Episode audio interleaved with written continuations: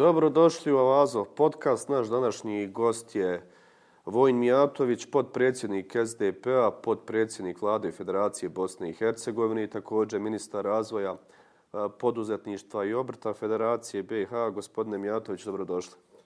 Dobar dan, bolje vas našao. Koja vam je od ovih funkcija koje sam naveo najdrža? Podpredsjednik SDP-a.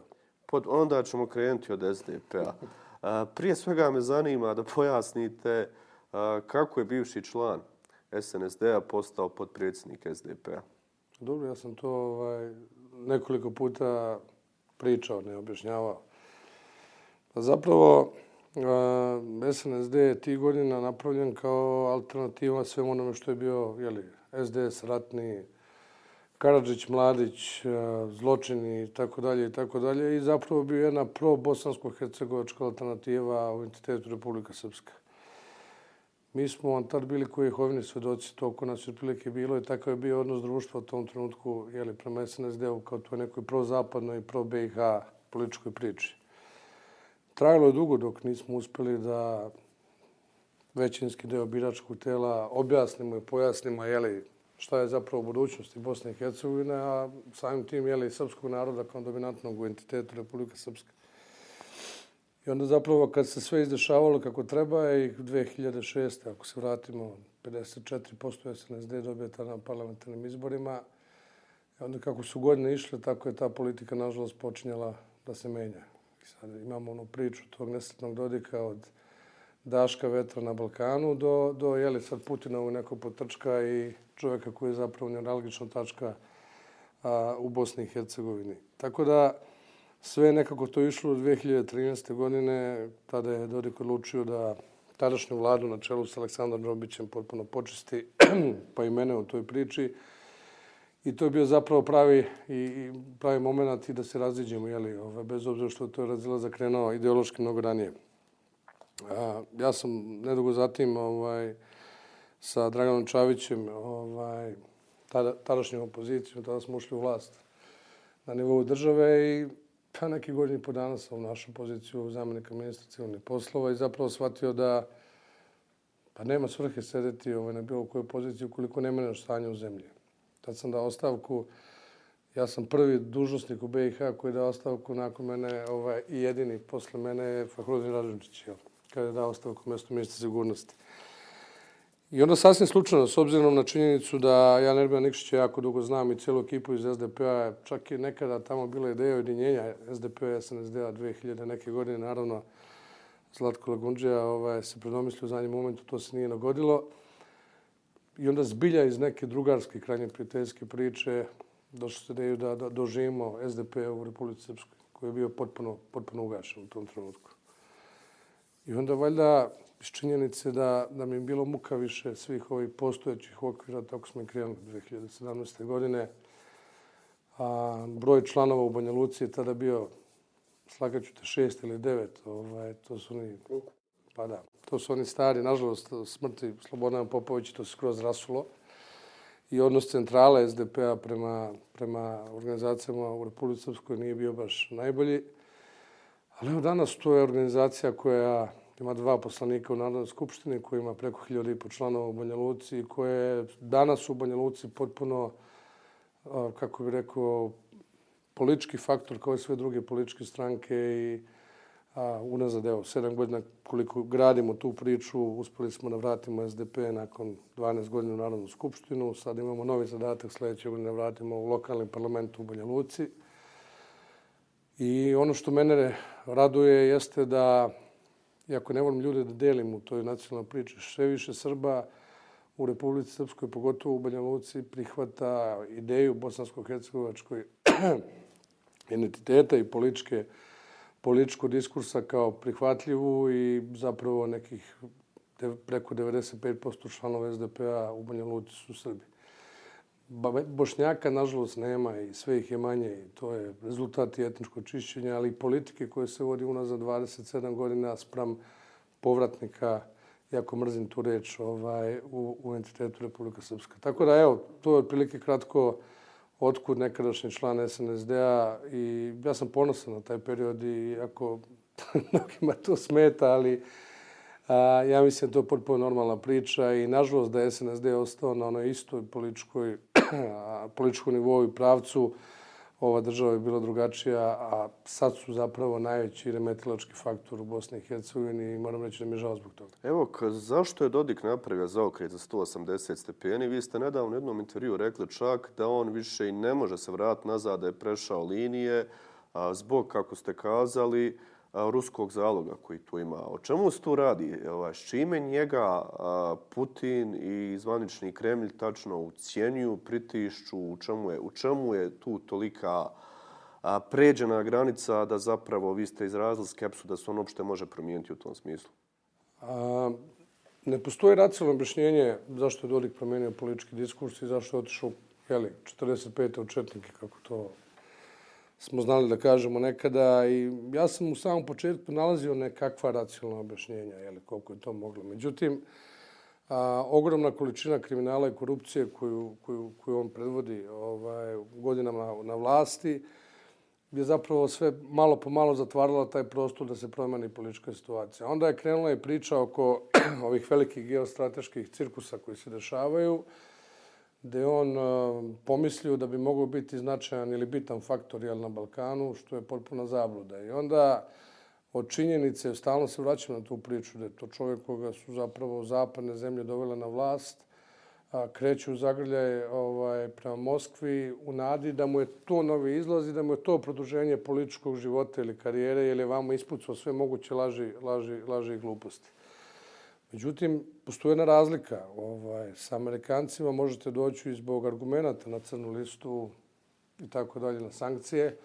A kod Rusa je druga priča. Ovaj, nije tajna da su Rusi spremni na sve ovaj, ukoliko ne ispoštujete određene dogovore koje imate s njima. A evidentno je Dodik ima neki dogovor i evidentno je da ga je zapravo najveći strah ukoliko izigra taj dogovor šta će se desiti personalno sa njim. A ne znate kakav je dogovor u pitanju? Pa ne, mislim, pitanje je da, da liko uopšte zna kakav je taj dogovor, ali potpuno jasno, potpuno jasno da on ne sme nazad ići zbog toga, jer tada ugrožava apsolutno svoju egzistenciju.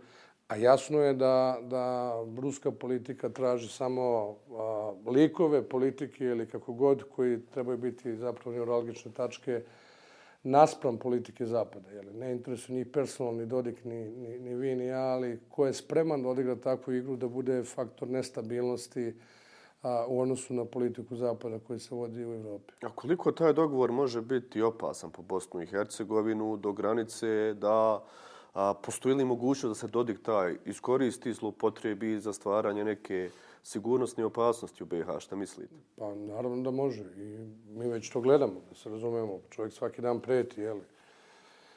Samo je pa da, je čini se da puno prijeti, a da u stvari vrlo malo toga realizira. Slažem se, ali ne smemo nikada zaboraviti činjenicu da u jednom trenutku može kreću u nekakvu realizaciju. Ja nisam pristalica ovih velikih teorija zavere i plašenja naroda sa novim ratom. Toga neće biti sigurno ali da je spreman da pravi neke odvojene provokacije, incidente, ili kako god se to nazvalo, ovi bezbednosti eksperti to bolje znaju, ja mislim da će on biti primoran na trenutku to da uradi. I tada je ključ zapravo a, oni koji su garant mira u, u Bosni i Hercegovini, preoshodno NATO i njihove reakcije i stabilnosti i mirnoće svih nas koji volimo ovu zemlju da mudro odgovorimo u tom trenutku, a ne da eskaliramo s druge strane, A, jer čini mi se da, da, da bi on želeo da dođe do eskalacije s druge strane, da ima zapravo alibi jeli, da, da, da se kreću nekakve gluposti koje nisu potrebne nikom od nas. Ja mislim da ova zemlja i ovaj narod, kada kažem narod, mislim na sve nas, a, ne sme sebi, ne može sebi da priušti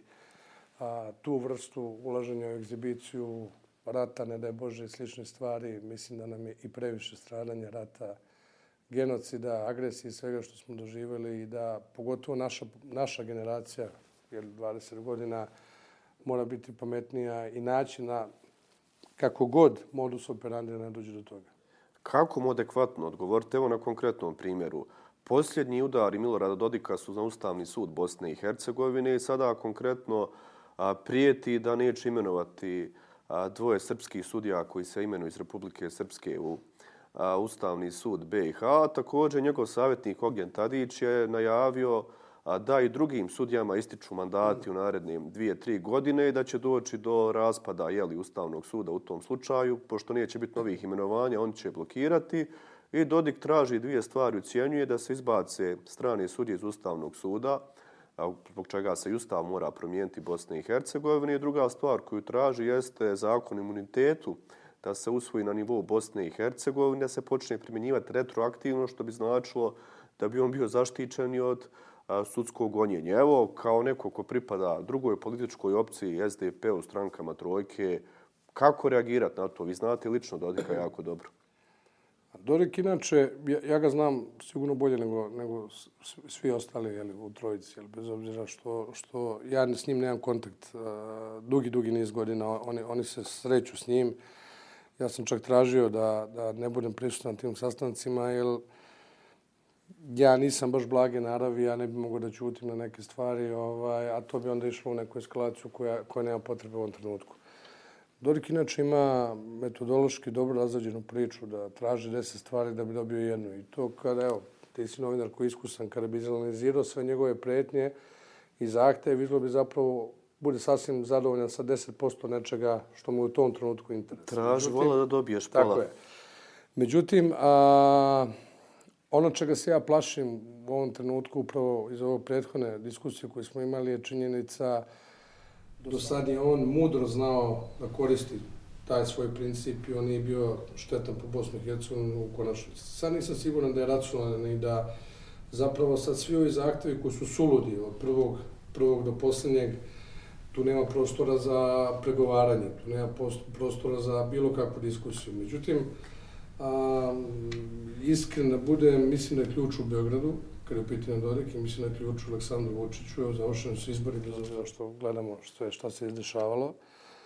A, da duboko verujem da je Vučiću bitna mir i stabilnost na Balkanu i informacije koje imam nije baš Vučić e, neko ko je oduševljen Dodikom, bez obzira što Dodik to uporno pokušava, pa se kači u izbornom štabu i svuda glume tamo pajace i idiote ovaj, da bi se dodvorili Vučiću, ali mislim da je ključ rešenja u konačnici a, koji se zove Milorad Dodik, tačnije njegov ispraćaj sa političke scene leži u Beogradu i gotovo sam siguran da će Beograd biti, kada kažem Beograd, mislim na politiku, egzekutor njegov u političkom smislu u konačnici. Kako se može desiti ta egzekucija? Ako vidimo političko stanje u RS-u, nema baš nekih jakih opozicijonih lidera koji bi ga mogli zamijeniti. Oni koji se i pojavaju, vidimo da vrlo brzo postanu bliski Dodiku.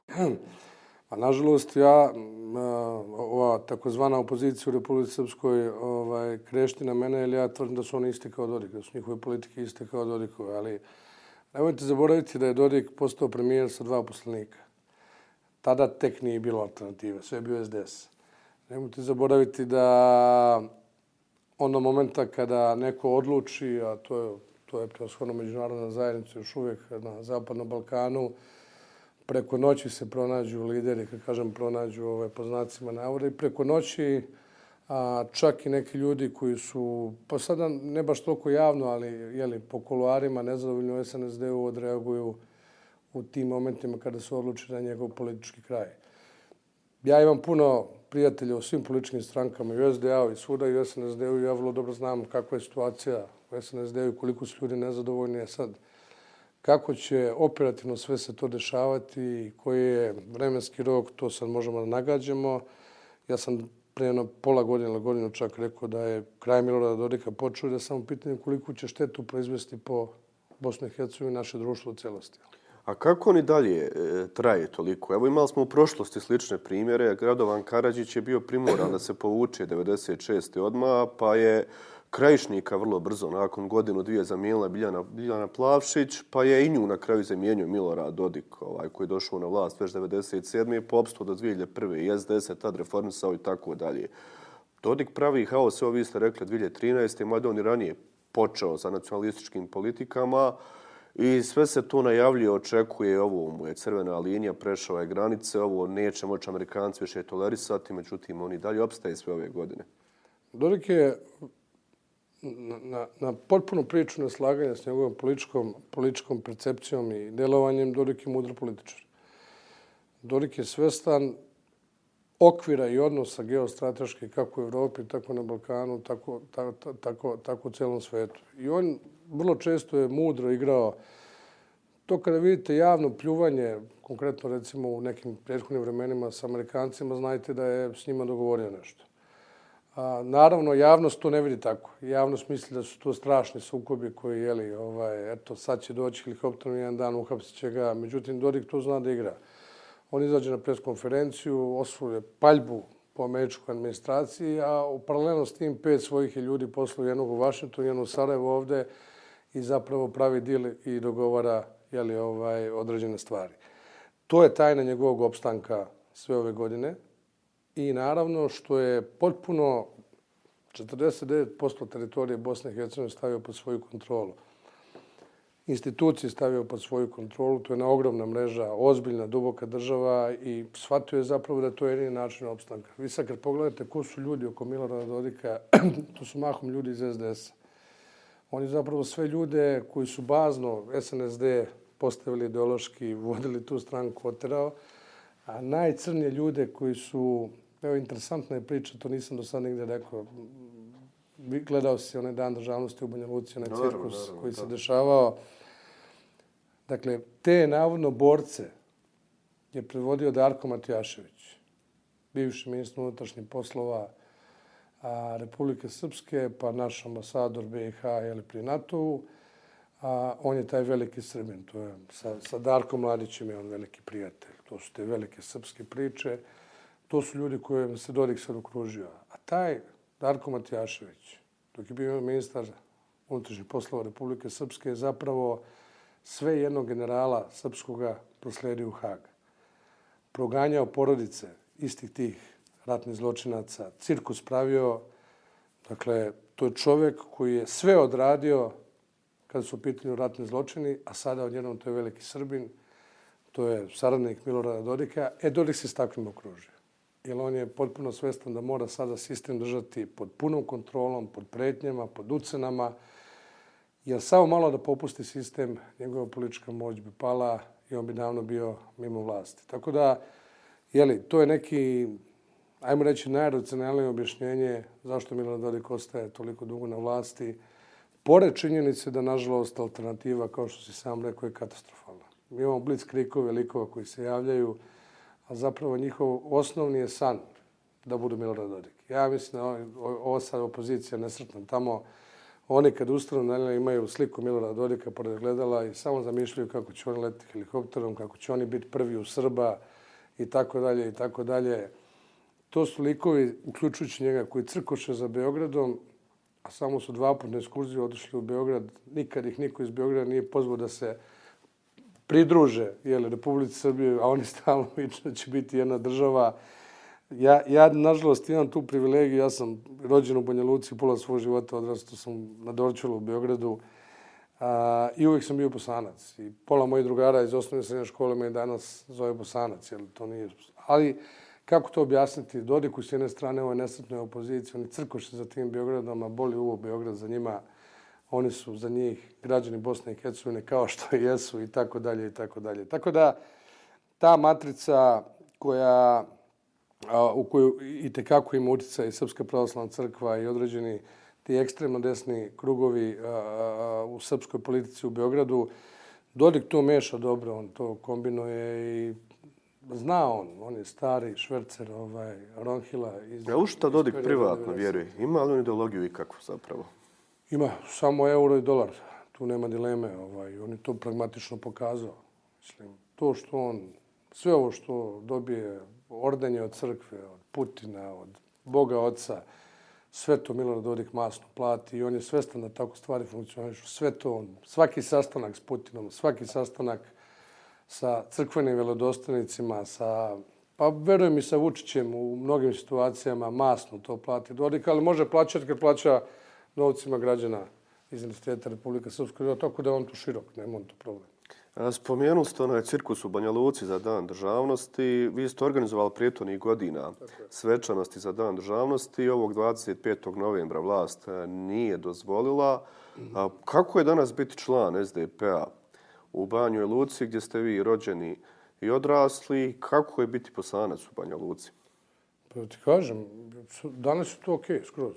Preno 6-7 godina nije baš bilo okej. Okay. Ima tu sporadične gluposti, ali nisam ti ja od onih koji vole pravi žrtvu u sebe. Znaš. Ima ovih politici kod nas i USDP. Koji gluposti? Možete nam reći? Ovako. Pa imaš svaki, ja imam tri put dnevno pretnje, što malo mailom, što na Facebooku, ali se dogovore. Jedan dan mi prete ovi veliki ovaj, Srbi, pa onda imaš 7 dana ovi veliki bošnjaci, znaš, jer, pazi, biti bosanci, Hercegovac ne odgovara jednima i drugima.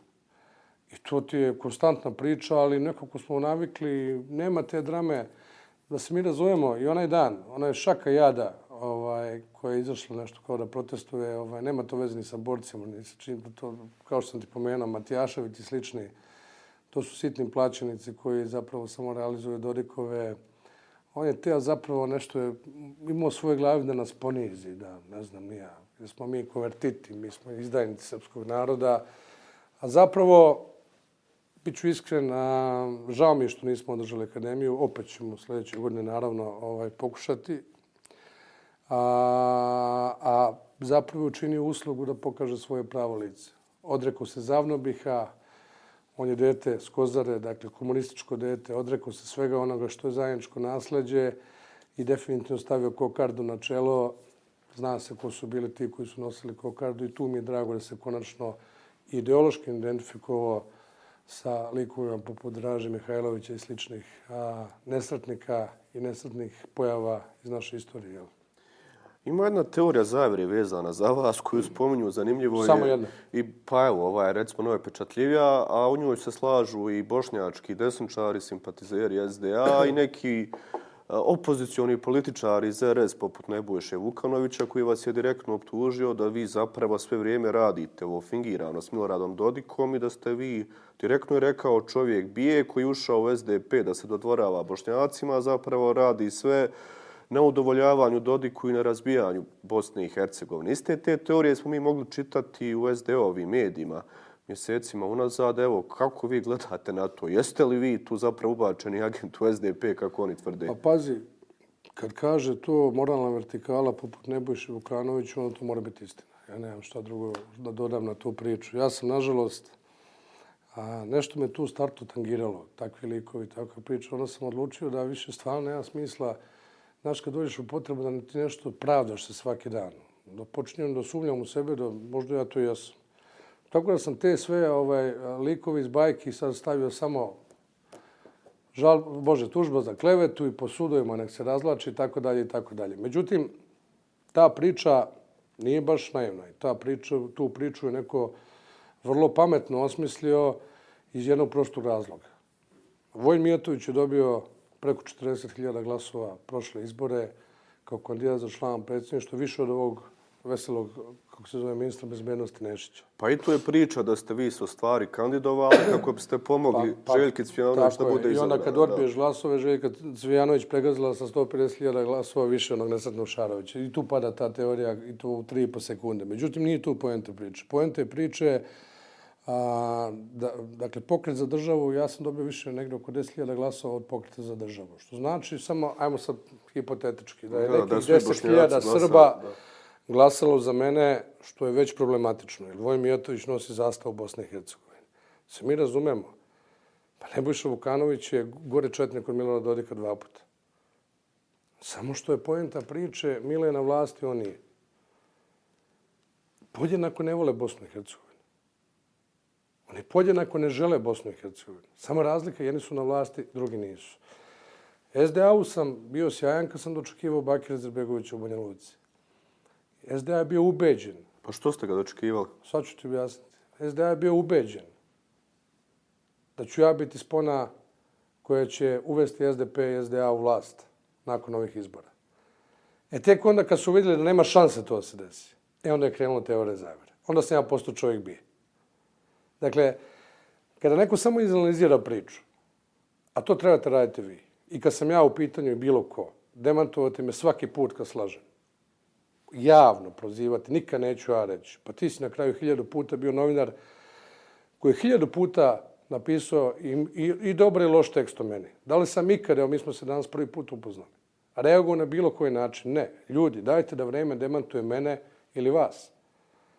A izlaziti svaki dan i od takvih teorija zavere, koje su sramne, sve tu dok se dešava, ja svaki dan dobijam pretnju da će mi neko silovati čerku u Banja Luci, zbog Bosne i Hercegovine.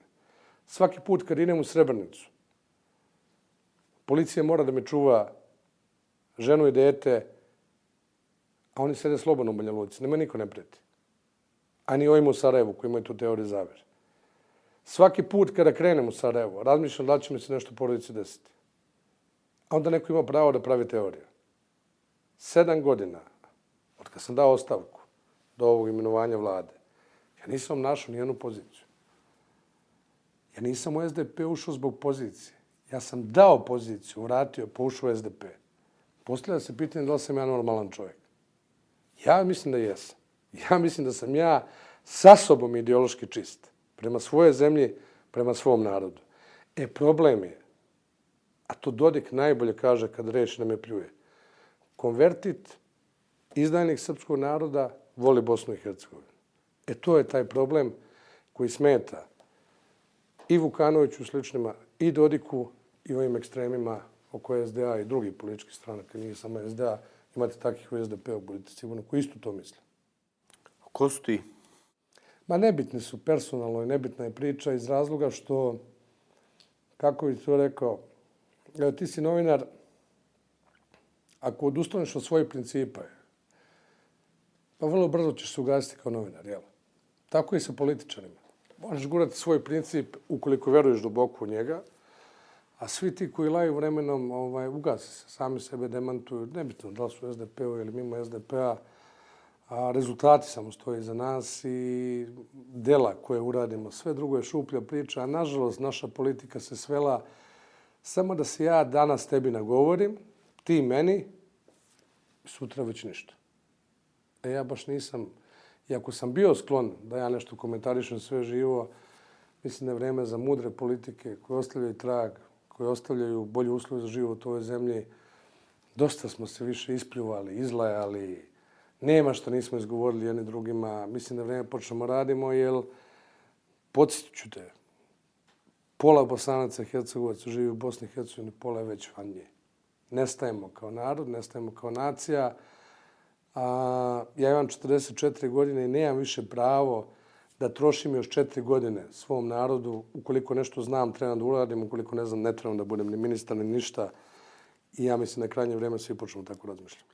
Vratit ćemo se na to šta planirate da uradite na konkretnoj funkciji, ali e, kakva je situacija u SDP-u danas da završimo a, s tom pričom? Stiče se utisak da ste jedan prilično raštimani orkestar i da to sad nisu dva klana koja se sukobljavaju, nego da tu postoji neka gomila frakcija.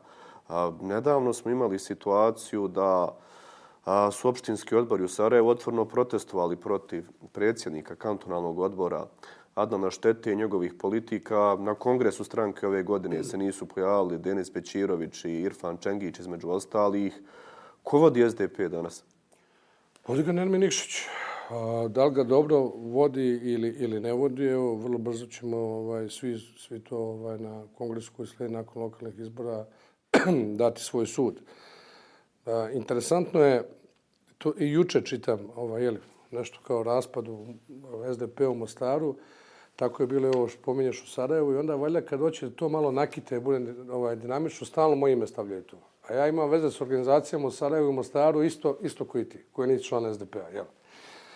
Ja mislim da, da a, prevelika doza demokratičnosti koju Nermin forsira u SDP-u, da imamo pravo svi na svoj stav, što je okej, okay, ali... Ok, unutar partije, kad idete, ali u jednom trenutku, pa vrlo iskreno, ja sam neko ko vrlo često i vrlo oštro u javnosti ovaj zna da odreaguje. Ovaj, to nas je sve dovelo malo do ove priče da je percepcija ljudi da je SDP raštiman orkestar. On zapravo nije i funkcioniše to sasvim ok.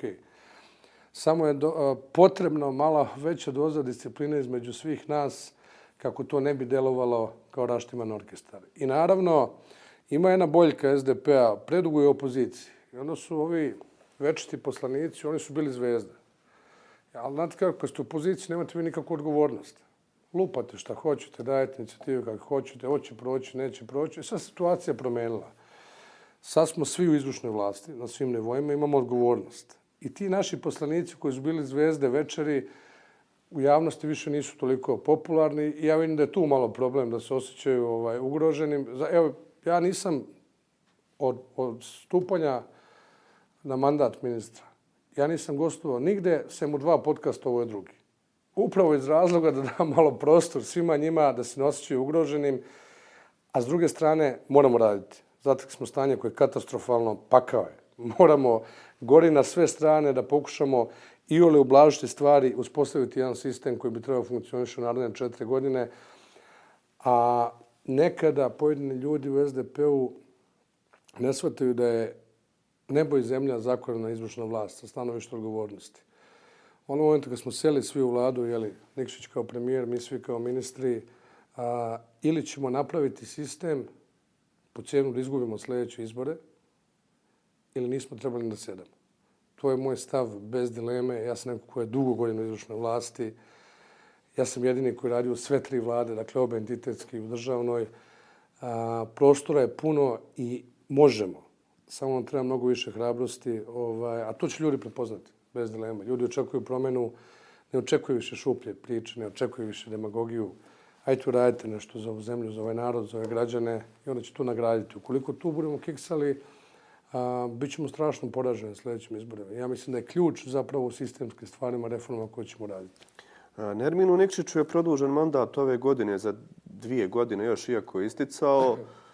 A ko će naslijediti Nikšića? Vidite li vi možda sebe kao novog predsjednika SDP-a?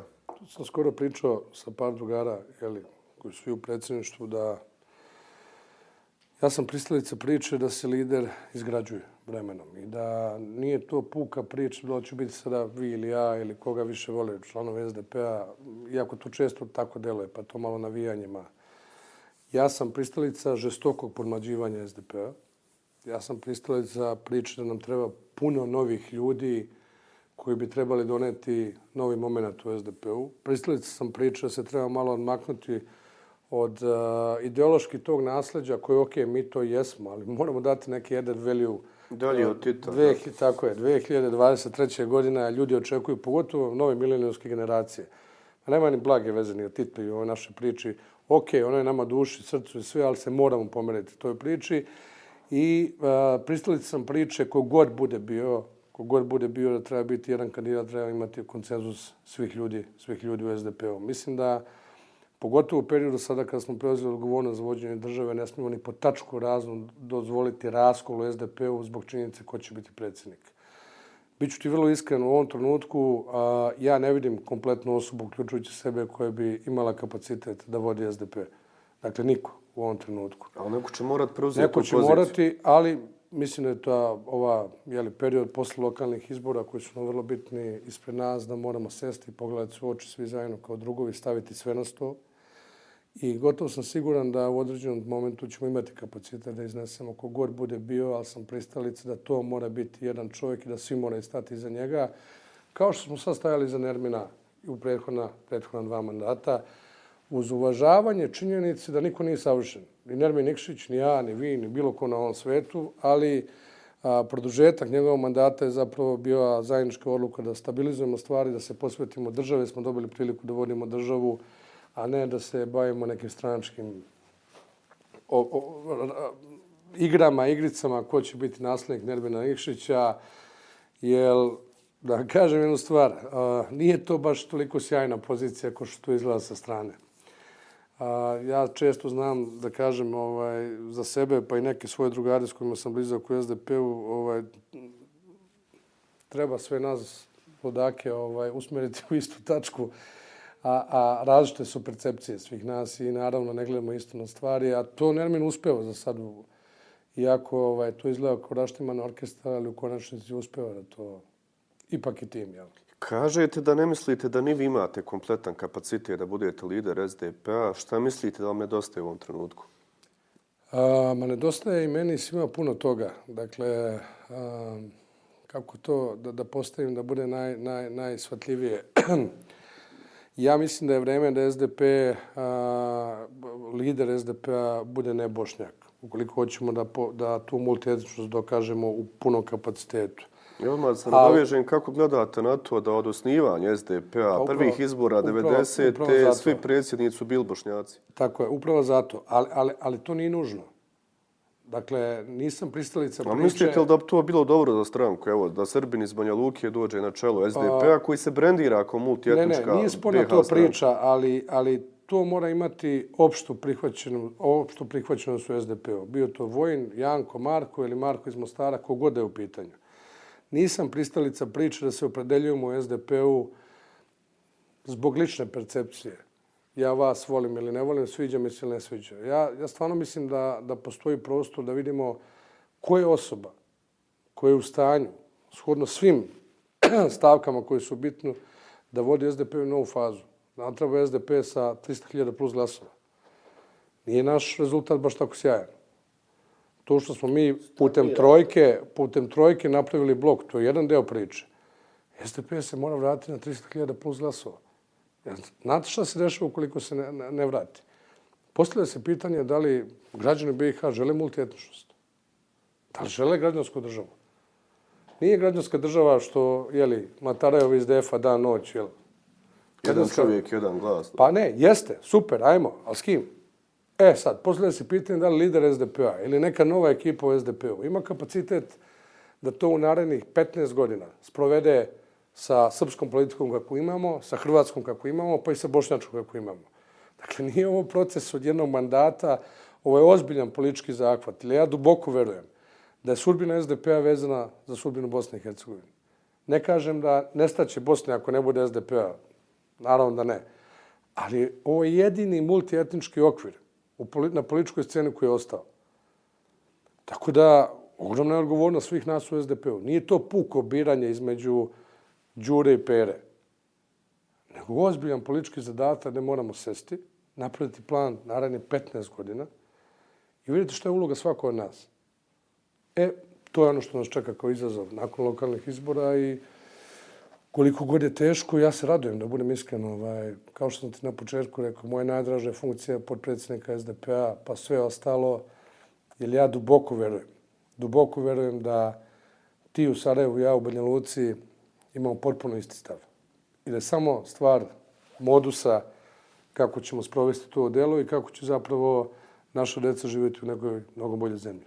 U kakvim ste odnosima s Denisom Bečirovićem? Ma okej. Okay.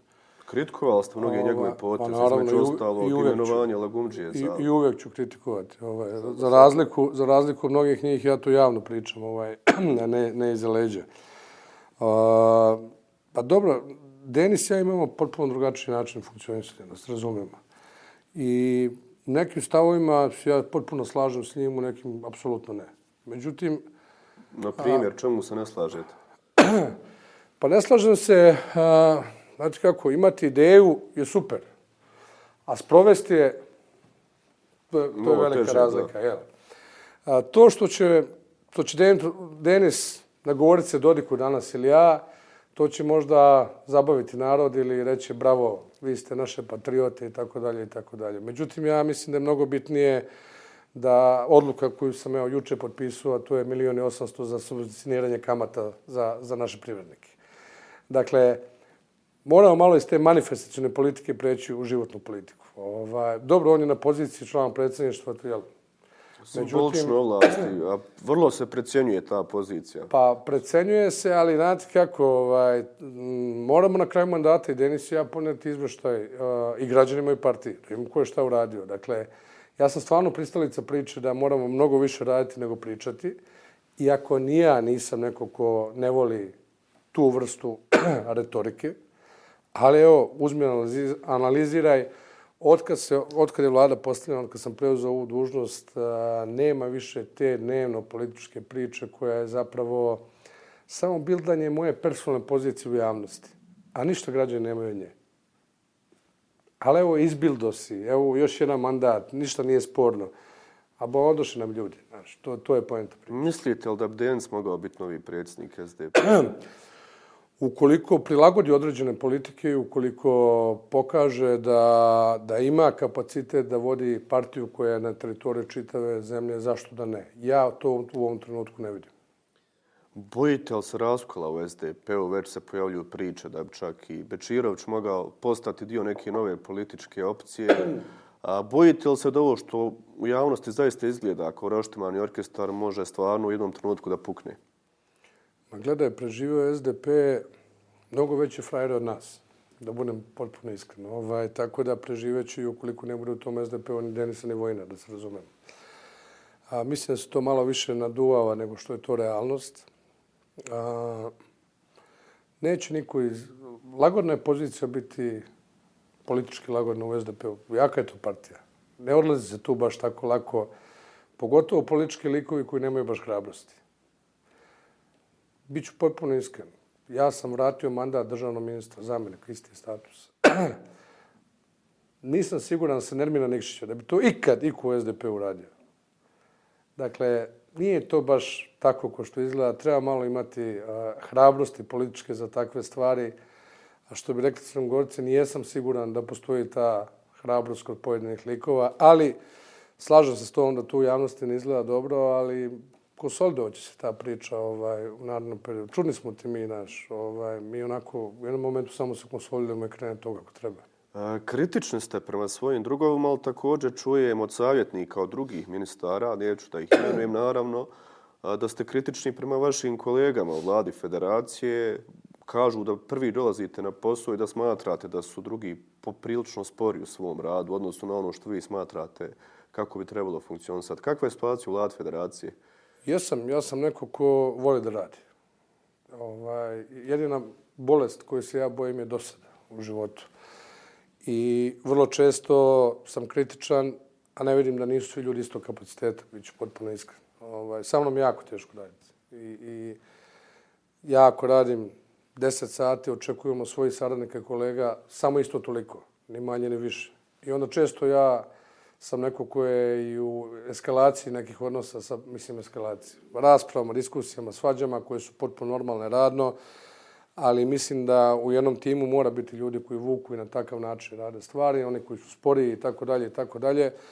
Ono što je sad dobro u vladi federacije, prvo, potprično je mlada federacija. Ne kažem da smo mladi, ali smo mlađi odnosno oni koji su bili unazad i to je sad ova neka generacija koja je najpotentnija zapravo da da najbolje jel, što može. A raduje me odnos nekih novih ljudi koje nisam znao do sada u politici i iz HDZ-a i iz drugih političkih stranka i to sada deluje zbilja kao tim i funkcionišu stvari. Postoji operativno hiljadu problema da se još moramo uskladiti. Postoji taj disbalans. Nermin je čovjek koji polako slaže stvari. Ja bi to deset puta brže. Mislim, javna je tajna i to nije spomenuto. Ja javno govorim, Ako se iko svađa s Nerminom Nikšićem, ja se svađam i u partiji i u vladi ali te svađe su u smislu da budemo produktivniji i bolji i a, Ner, Ner, Nermin to zna. Ovaj, ja nisam čovjek koji čuti nikome, nisam čuti Dodiku ni njemu. Ovaj, mi tako funkcionišemo. Niz izazova ispred nas. A, vratit ću te na one famozne Fadilove izjave kako nam je ostavio neke stotine miliona što u budžetu, što u elektroprivredi, što... Ja sam Koliko se iskreno... Koliko ono rekao elektroprivredi? 200 300, 320, a, a reću ti kako... Račun, da, da. To, to je tačno, ovaj, ali minusa. Ovaj, ja sam se iskreno nadao, ovaj, ja sam u javnim financijama dugo, jel? Ču, rekao, imat ćemo sad sredstava da krenemo neke strateške projekte, da malo neke stvari uradimo. Međutim, katastrofa. Dakle, ostavili, jednu, ostavili su jednu potpuno... Pa evo da ti samo slikovito jednu stvar objasnim. Dolazim u kancelariju, i kažem, ljudi, daj donesite mi državnu zastavu jednu, mislim, zamlek sam premijera da bude u kancelariji. Kaže, nema. Vlad federacije nema državne zastave. I onda jedan čovjek koji dugo tu radi, kaže, Vojni, ja ti moram objasniti kako stvari funkcionisale. Neko objašnjava nama 25 godina da je ovo privremeno. Kaže mi, šta je bolom privremeno? Pa kada je federacija? Ukinče se entiteti, da. I 25 godina zapravo ne postoji odnos prema instituciji. Evo kad uđeš u zgradu, znaš na šta to liči? Znam katastrofa. E sad, uzmi pandan tome ovog ludog Dodika je. Koji je napravio, koji je napravio institucije. Postavlja se pitanje te državotvornosti jel, u tom segmentu. Naravno, nije samo to. Ali da ti se vratim. A, elektroprivreda je u potpunom kolapsu financijskom. A, nažalost smo došli u situaciju da je dovedeno u pitanje energetska nezavisnost Dansko federacije Bosne i Hercegovine. A, kriminal i korupcija koji se tu dešava je strašan. Za sad smo samo nekoliko desetina krivične prijava podneli. A, Možete to... navesti primjer, šta ste zatekli konkretno? I kako su napravili tolika dugovanja? Gdje je problem? Proizvodnja u rudnicima u periodu vlade prve Nermina Nekšića je bila negde blizu 6 miliona tona. Sada je 2,9. Dakle, poslije se pitanje šta se dešavalo u našim rudnicima unazad skoro desetljeće. Dešavati se stvar da se uloži stotine miliona u modernizaciju rudnika, da dođu nove mašine. I da sutradan su pokvarene. Sutradan. I da se angažuju već dobro poznate firme da rade za rudnike. Iz godine u godinu tako. Fadel izjavljuje mrtav vladan da nam je ostavio 320 miliona u elektroprivredi. U januaru taj dopis smo dali u javnost. U januaru tadašnja uprava elektroprivrede obaveštava premijera federalno da je projektovani minus koji će biti 90 miliona Elektroprivredi. Naravno, nije to stavljio u javnost. A onda, pošto je malo zaintrigiralo, rekao, možda Fadil priča istinu. Pa ja fino pozovem ljudi iz uprave elektroprivrede i kažem, ljudi, čovjek kaže da mi je ostavio 320 miliona računa. Kaže izvršan direktor, kaže, to je tačno sredstava za amortizaciju koji nisu ulagana 11 godina. Kažem ja, dobro, imate li u cash flow? Kaže, imamo, minus od 90 miliona. Pa kako je nastao? Pa zato kaže što su pravili godine, dvogodišnje ugovore o prodaji struje u napred. Što je bilo po 10 posrednika u prodaji struje. Što su samo odabrane firme prolazile na tenderima i u rudnicima i u elektroprivredi. I traje to tako, evo, neki samo 8 godina. Ali nema više priče, preuzeli smo odgovornost, nema kukanja. Trebamo dati da se procesuiraju sve kriminalne radnje koje su bile, a mi ući u konsolidaciju onoga što je ukupan energetski sistem u Federaciji Bosne i Hercegovine.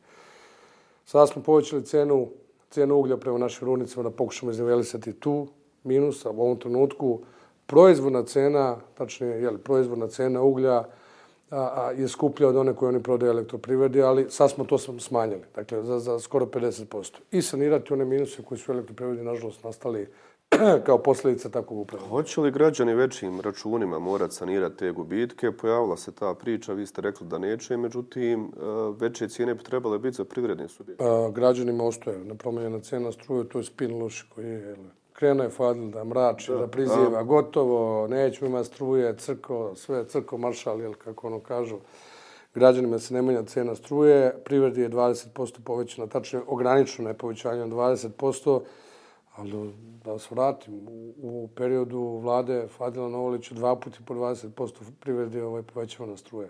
I mora se povećati, jer ovo nije realna cena. I to znaju i poslodavci svi. I opet je najniža u regionu. Tako da, a, od te famozne priče kako ćemo ostati bez struje, kako će krenuti restrikcije, kako će se građanima poveć, povećati ove računi, naravno da nema ništa. Samo činjenica da povećavamo privred je nešto što je potpuna realnost, neophodnost i na kraju nismo mi tu radili bez a, razgovore saglasnosti sa Unijom poslodavaca i sa svima on, znači, privrednicima koji troše velike količine struje i tu zapravo nema nekog pretiranog spora. Hoće li biti hapšenja zbog elektroprivrede? Ja ću insistirati da ukoliko se dokaže i pokaže u skladu sa zakonom da je neko bilo šta ukrao, naravno bude hapšenje bez dileme.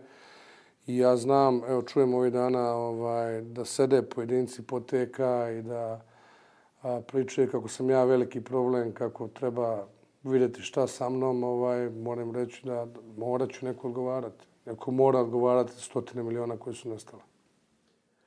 Najavili ste da će minimalac u Federaciji BiH od 1. januara biti 1000 maraka. Od toga neće biti ništa. Gdje je zapilo na kraju? Kada smo seli u vladu, zapravo rekli smo dajte da definišemo šta nam je big deal, jeli?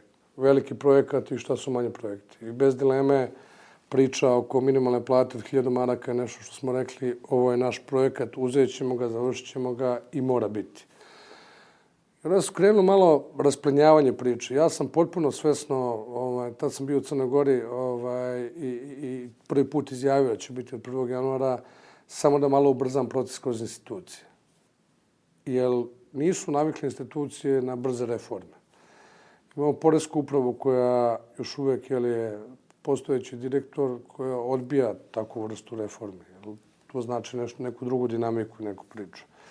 Imamo, imamo pa čak i po ministarstvima da kada tako nešto pomenete, krene duboka država da radi, onda ne može zbog ovoga, ne može zbog onoga i prolongira se ta priča. No, međutim, a, ono što je sigurno da smo sad s ovom odlukom oko, ona se zove pomoć radnicima, zapravo naredni šest meseci, 420 neoporezivih novca koje je moguće isplatiti, došli do narednih šest meseci, poslodavci mogu isplaćivati platu koja je veća od hiljadu, je li minimalna, da bi sustigli dva procesa.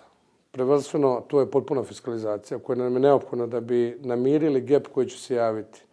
Jer nije samo dizanje minimalne plate na hiljadu maraka, nego spuštanje doprinosa 28,5%. Koliki će to manjak u budžetu stvoriti prema procenama? Minimum, minimum 600-700 miliona. To nije malo. I gledajte, ukoliko ne, krenete, ne krenete sa fiskalizacijom koja je potpuna procena, da će vam doneti nekako 4 milijarde. Dakle, ogromna je siva zona još uvijek u Bosni i Hercegovini.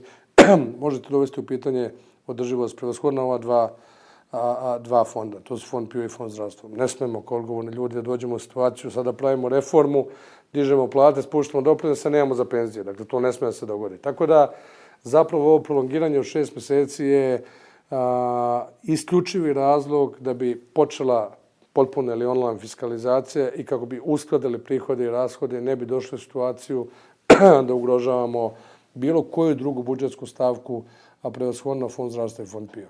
Jesu li poslodavci saglasni sa ovakvim rješenjem? Kako neće biti saglasni kad im spuštamo doprinose na 28,5%? Pa, mnogim radnicima će morat povećati plate, posebno ove kompanije koje imaju radnike prijavljena manja primanja i koje se bave nekim jednostavnim poslom. A IT sektor da. vjerovatno Biću to neće. iskren, ja sam na početku mandata izobilazio veliki broj proizvodnje jel, širom, širom Federacije Bosne i Hercegovine i svi su saglasni oko jedne stvari. Nemamo radnika, trebaju nam radnici, nemamo problem da podignemo plate. Ali doprinos prevel shodno, Tako je. Shodno tome i onda smo se dogovorili. Da se mi razumemo, ni to nije dovoljno ljudima da mogu da prežive. Ali to je ogroman iskorak u odnosu na ono što imamo sad u ovom trenutku. Potpuno smo svesni da država mora da isfinansira ovaj deo do kranja potrošnja ne stigne taj gap. Pa to je po našim procenama 3-4 godine. Ali nam je potreban bio izvor, a to je ova fiskalizacija, da ne, dođemo, da ne dovedemo u pitanje fiskalnu stabilnost Federacije Bosne i Hercegovine. Biću vrlo iskren. Ja sam lud što nismo krenuli od 1. januara. Ja sam smatrao da čak možemo. Međutim, tehnički su stvari bile neizvodljive, pogotovo kad je u pitanju fiskalizacija i, i trpim kritike zbog toga. Što si najavio? Jesam ljudi, hteo sam dakle, da obrzam proces i to će biti na kraju nekada morate kritiku pretrpeti, samo je bitno da proces ide i da ga prije ili kasnije uradimo, a to nas čeka ove godine bez dileme da ćemo raditi. Znači, možemo tokom sljedeće godine očekivati Absolutno. da će fiskalni zakoni biti usvojeni? Apsolutno. Jer nije to samo stvar fiskalnih zakona, to je set a, zakona i odluka koji tangiraju jeli, svaka socijalno davanje se, se referiše na prosječnu minimalnu platu. Dakle, moramo hiljadu tih veza prilagoditi i raskinuti, redefinisati kako bi sistem funkcionisao nesmetano i nakon, nakon ove reforme. A, kao ministar Roberta razvoja i poduzetništva, koji su vaši ključni cilji u okviru vašeg resora da uradite u narednom periodu?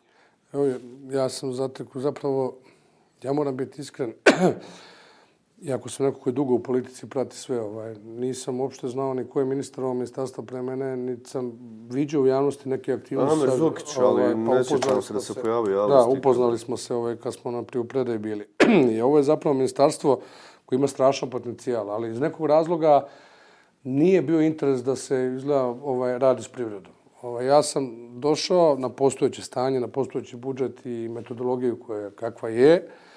I zapravo sam tu otvoreno rekao da ovako kako je ministarstvo ovaj, ne treba da postoji. Niti ima neke fajde za privredu, niti mi dižemo nešto od čega živimo, a živimo te privrede i onda sam krenuo redefinisanje stvari. A, ono što sam i najavio, i to je sad već zvanično, iako je bit će kad se budžet usvoji, naravno, i formalno, dolazimo do najvišeg nivoa istorijskog za izdvajanja za privredu. A, definitivno strateško opredjeljenje jeste da i grantovski i kreditno i na sve druge načine isforsiramo a, ono što čini izvoz iz Bosne i Hercegovine i doda, stvarnu dodatnu vrednost, a to je proizvodnja. A sa ova dva zakona koji su zapeli, nažalost, u ovom trenutku u parlamentu, a to je zakon o prezničkoj infrastrukturi i zakon o posticanju male privrede, zapravo pravimo po prvi put okviri za formiranje IT poslovne zona, za generisanje radnih mjesta u tom sektoru i tako dalje, tako dalje, sada te zamaram. Ali je definitivno sljedeća godina, kad je u pitanju privreda u federaciji, će imati najjaču i najvišu podršku s tim što ćemo promijeniti način na koji ćemo davati grant šemu, jer to je do sad bila grant šema, dam ti 20, vratiš 10 po stanom SD-ovom ovaj, običaju. Imate li dokaze za to? A, ima. Jedan je završio u zatvoru, ovaj Alijanović. Ima, ima bit će toga, eno, FUP uveliko radi provere i mnoge stvari. Ovaj, ali jadno je to. Jadno je zamisli a, kada daš grant od a, 3000 maraka nekom novo osnovanom obrtniku i onda šalju kerbere da, da vrate po 1000 maraka i slične stvari. Evo ja ti sada, ja te molim, novinarci, ako me ikada, ikada zatekneš ti ili bilo ko kolega u takvoj stvari, ne da objavite, nego da me pljunete javno. Ili kada vidim da uzimaju za radna mesta i takve stvari, gadim se na te stvari i, i pa da, je, da, da, da, je, da mi otac iz SDP-a to uradio, dakle, ako me shvataš. Tako da, a, promenit ćemo način na koji ćemo funkcionisati, promenit ćemo a, način dodele, zahteve koji idu prema privrednicima. Zamislite vi sad dajete hiljadu maraka nekom novoosnovnom tražite od njega papira overenih koji koštaju 100 maraka. A mislim, nemojte mu onda ništa ne davati. I tako dalje, i tako dalje. Tako da, evo, vrlo brzo, a, sutra je, sutra je trebao biti budžet na vladi, da će biti posle nove godine. Ostalo još neki fine tuning da se uradi. I odmah nakon usvajanja, bit će on usvojen u januaru u parlamentarnoj proceduri, zapravo ćemo krenuti sa tim novim pristupom koji smo evo, dugo spremali, radili i samo grand šema će sada biti negde oko 30 miliona maraka koje ćemo uložiti u našu privredu i ja insistiram na, na mašinama, na digitalizaciji procesa, na novim radnim mestima, na vidljivim stvarima gde mogu doći za godinu dana ovde kod tebe podcast reći, evo gledaj, uložili smo 30 miliona u našu privredu, ali smo sačuvali jeli, 10.000 radnih mesta i 2.000 novih napravili. Evo, iz, povećali smo izvoz u metalskom sektoru za 3%, dakle ono što je egzaktno, a ne priče Samo morate još misliti način to što bolje da brendirate, kad uradite, nadam se da hoćete, jer znate to ljudima dosadno. Slušate vamo, Dodik nešto opsuje, to svi odmah klikće. Ali znaš šta je interesantno, ja to gledam po svom Facebooku, jeli, ovaj, kada objavim takve stvari, ako bude sto lajkova, ja sam sretan. A kada se nagovorim Dodiku, par hiljada. Ali tu moramo malo svi zajedno u ovoj državi shvatiti da, da od ovoga živimo ne živimo od moje Dodikove svake. A što se ljudi lože na te stvari toliko? Evo? A teško je to, gledaj, kontaminacija našeg društva u mentalnom smislu traje 27 godina. I nažalost, u Bosni i Hercegovini sve, sve politika. Evo, vidi, sad sednete s nekom na, ne razumijem na, na anom Srebrneku ili Bakom u gradišci priča samo o Dodiku. Pričaju samo ko je kome rekao. A, izgleda je lakše baviti se tuđim životima nego sobstvenim u Bosni i Hercegovini. To je veliki problem našeg društva. A nećemo da pričamo o sjajnim stvarima koje nam se dešavaju. O, o sjajnim talentima u ovoj državi, o sjajnim primjerima poslovnih, poslovnih uspeha. Prosto nekako smo naviknuti na tu ružnu i tužnu priču našeg, našeg života i našeg društva. Nekako je tu lakše, valja, pa tu svu frustraciju izbacimo iz sebe, a ne razmišljamo zašto danas je normalno da u svetu ljudi dva posla rade u isto vreme, ako nas je to katastrofa i neće niko da radi dva posla. I tako dalje, i tako dalje. Svjedočimo američkim crnim listama koji se konstantno šire također neke vrlo visoko pozicionirane ličnosti, bivši funkcioneri i sadašnji funkcioneri su uhapšeni ili se nalaze u pritvoru. Zadnji je slučaj sa Osmanom Mehmedagićem i Rankom Debevcom. Vjerujete li da ovo je početak zapravo obračuna sa nasljeđem prošle vlasti i njihovih pijuna, funkcionera, saradnika, saveznika, da bi ovo moglo voditi možda ka boljoj, transparentnijoj, funkcionalnijoj državi? Kako vi gledate ove procese? Šta se dešava u BiH zapravo? Niko nije kriv dok se ne dokaže, jel? Međutim, ljudi, ja sam to pre neki dan napisao. Nama je uhapšen predsjednik suda državnog i bivši direktor obaveštene službe, jel? to još neko hoće da predstavi kao nekakav politički obračun. Pritome optuženi su za strašne stvari. Koliko je to istina? A postoje saznanja da je i gore od toga istina. Mnogi će završiti u zatvor. Sistem mora se obračunati s takvim, s takvim ljudima. Ukoliko je tačno da su prisluškivani ljudi, političari, funkcioneri, strane dvije najviše instance, ljudi, to, to je razlog za ustanak. To nije razlog za diskusiju mene i tebe na bilo kojoj emisiji. To je razlog za alarm. Postavlja se pitanje, da li Dodik sa svojim idiotlucima svaki dan ruši državu ili to ruši državu? Zanemarimo sad te priče šuplje političke. Neko je prisvojio državu sebi. Neko je se toliko drzno da sluša tebe i mene. Mimo zakona. da preti, da ucenjuju ljude, da koriste svoje pozicije za rade lične koristi. Ako je to tačno, tu će pasti stotine ljudi. Jer dobro mi znamo šta je mreža, šta je sistem i kako su one funkcionisane. Vjerujete li da će pasti na kraju stotine ljudi? Dok je to moglo ići? Pa ja vjerujem da hoću, jer uh, dugo godina pričamo o rak rani Bosne i Hercegovine, to je pravosudni sistem. Međutim, moram to reći da postoji sjajni ljudi u tom pravosudnom sistemu kojima je muka više od te vrste pritiska i mobinga i polako nalaze hrabrosti da počinju čiste svoje dvorište. Tako da sam siguran da ovo vodi ka mnogim ljudima. I ono što, što zbilja pozivam sve politike koje žele dobro Bosni i Hercegovini, da ne prave priču političku do ovoga, ne ukoliko se dokaže da to tako bilo, da žestoko podrže pravosudni sistem da se obračuna sa lošim delom sebe. A šta radite kada se ne bavite politikom? Čuo sam da ste bili rukometaš nekoć. Nekad davno, kad sam bio mlad, jeli, ovaj, jeste, ja sam neko ko je jeli, kao dete krenuo u starom gradu na Dorčulu, pa igru u Crvenoj zvezdi i posle dalje. I neko ko je imao čast i zadovoljstvo da pomažem onome što se zove reprezentacija Bosne i Hercegovine rukometna ovde i puno mojih nekih drugara je vezano za rukomet i taj deo života. Jel? Ali ono što je najluđe, ovaj, kada ne radim ovo, bavim se SDP-om u Banja Luci. Zapravo, to je ono što je nama, koji smo započeli tu priču tamo, sada postalo život. kako raširiti organizaciju, kako što više ljudi ubediti da je to ispravna priča i ona se to svodi na hiljade, hiljade kafa po Banja Luci da zapravo pokušavamo da menjamo stanje i da pravimo bolje stvari. Onda vrlo malo vremena ostaje, gotovo nikako ovaj, za porodicu, za, za prijatelje mimo, mimo posla i politike, ali dobro, to je moj usud, to je moj odabir. Niko mi nije terao na to i nemam problem. Ono što u Banja Luci najviše volim je ovaj, ujutru kad ustanem ranije da prošetam psa, jeli onda ovaj, komšije se uvijek smeju, pošto ja i leti zimi u šortu šetam, ovaj, i skoro mi jedan komšija, ovaj, stari, a kaže komšu, sad se ministar ne ide baš u šorcu, ali kaže, ali nemoj menjati, da ide šorc do kraja. Tako da volim ja Banja Luku, volim to okruženje koje jeste mikrokosmos, mi pravimo neke mikrokosmose kako živimo, ali eto, to je neki okvir gde pa često se sedne,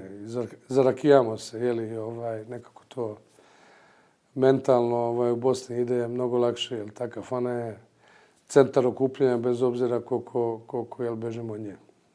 Jeste i treba je sačuvati zaista kao dio naše tradicije, ne samo bosanske nego i balkanske. Tako je. 2024. godina, kako će nam biti? Teško izazovno, bez dileme. Ovaj, ja nisam od onih koji, ono, dve, dve narodne nedlje su ključne iz korone, ono što smo imali. A, siguran sam da ćemo doći u neku političku eskalaciju koja će nas morati jeli, usmeriti ili levo ili desno. Neće baš biti prostora više za neko balansiranje i sa Dodikom i sa svim drugim stvarima. Nije on jedini problem u ovoj državi, da se razumemo.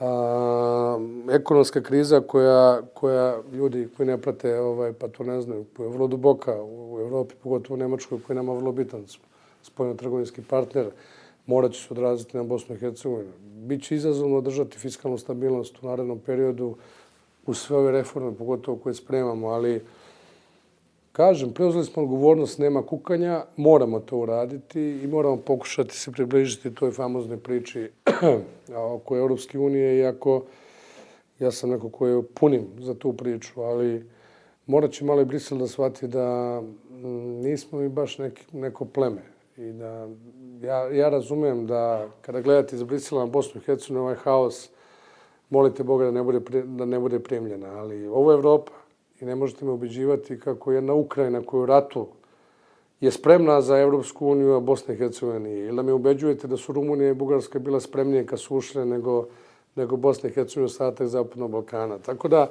čeka nas taj izazov sa, sa Evropskom unijom, čeka nas sobstveni izazov Dodika i raznih Dodikovih ovaj, fotokopija u Bosni i Hercegovini, ali ja sam optimista, nepopravljiv i zbilja tvrdim da je samo vreme da počnemo mnogo više da radimo. Evo, samo da deset puta svi počnemo više da radimo, mi koji smo dobili priliku da budemo vlast od strane naroda i to će morati da bude bolje bez dileme. Hvala vam puno na razgovor. Hvala na pozivu. Gledali ste FGR podcast, vidimo se naredni put. Doviđenja.